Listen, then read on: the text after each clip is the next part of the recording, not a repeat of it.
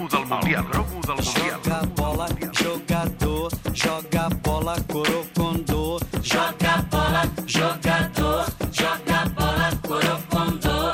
Here, here, here, Ja us hem explicat que al cromo del Mundial el que farem eh, cada cap de setmana és explicar-vos històries vintage. Cada dia, cada dissabte i cada diumenge us portarem una història per parlar eh, del Mundial en totes les seves eh, múltiples extensions.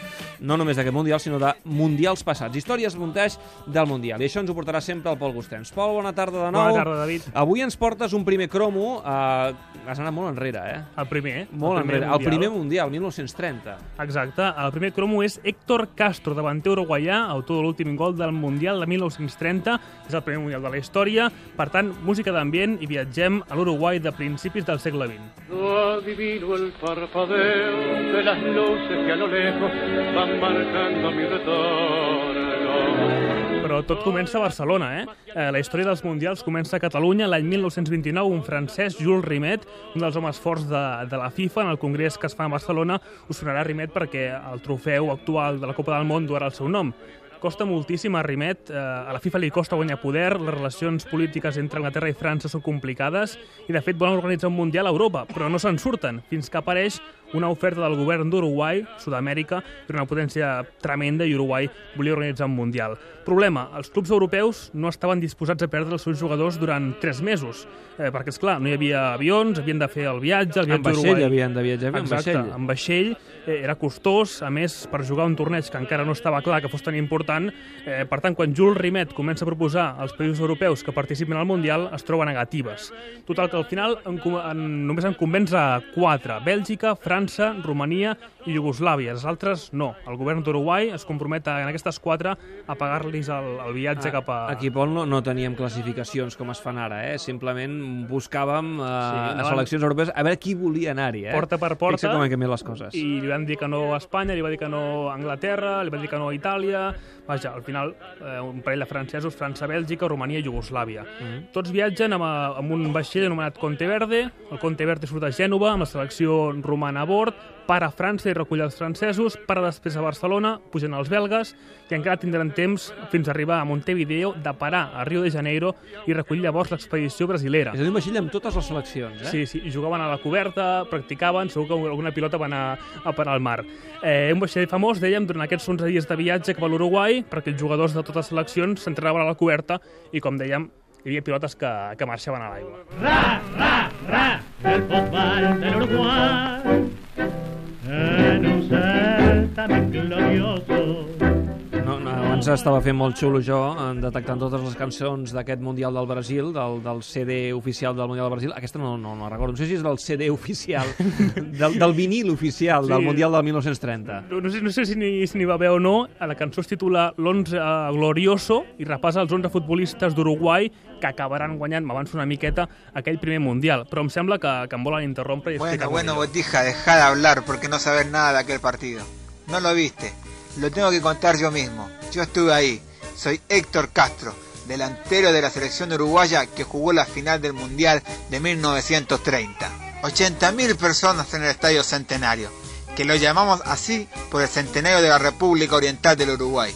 Es que cuando nos dieron el Mundial empezamos a construirlo y tardamos solo nueve meses. Les quiero recordar a los 11 hombres de la gloriosa celeste de 1930. Ballesteros en el arco. Nasasi, Macheroni, los centrales. El negro, Andrade, Gestío por los costados. Fernández en la media. Con Escarone, Sea, Iriarte, Dorado y un servidor. Héctor Castro, el manco divino en el ataque. ens interromp un mite, el, el nostre cromo, Héctor Castro, que és història d'aquell Mundial. Un home d'ascendència gallega, la família Castro arriba a l'Uruguai a principis del segle XX, a Montevideo, eh, un noi que de jove ja comença a destacar moltíssim en la pràctica del futbol, que està cridat a ser un crac, però que als 13 anys pateix un accident mentre treballava amb la mala sort que en un taller es despista i una serra elèctrica li destrossa la mà dreta per sobre del canell.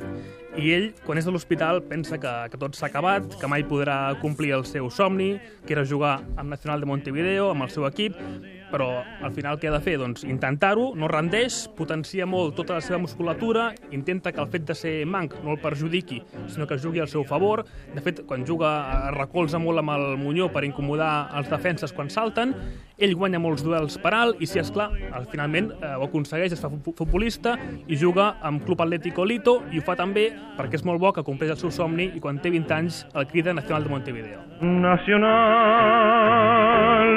viejo y glorioso nacional.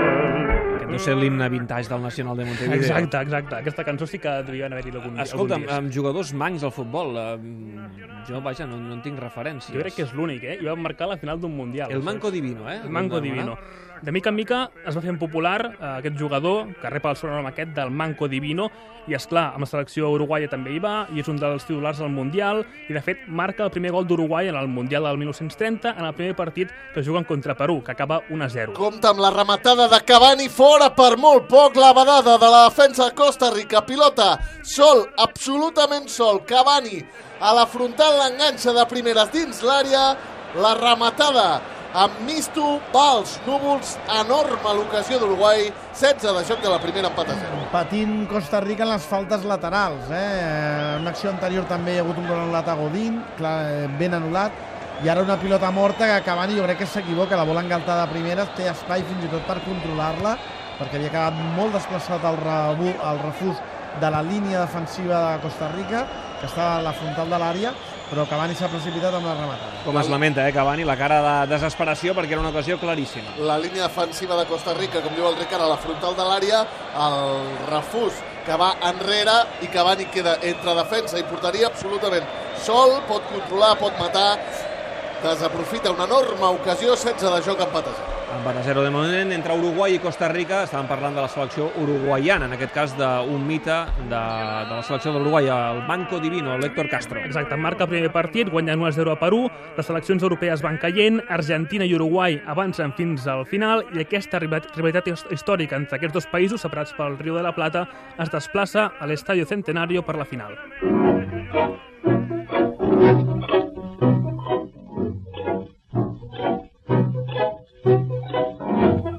Alguns van dir que era la final del terror. Van registrar els aficionats per comprovar que no duguessin armes de foc, fins i tot l'àrbitre, Sempre hi ha hagut una gran rivalitat entre argentins i uruguaians, eh?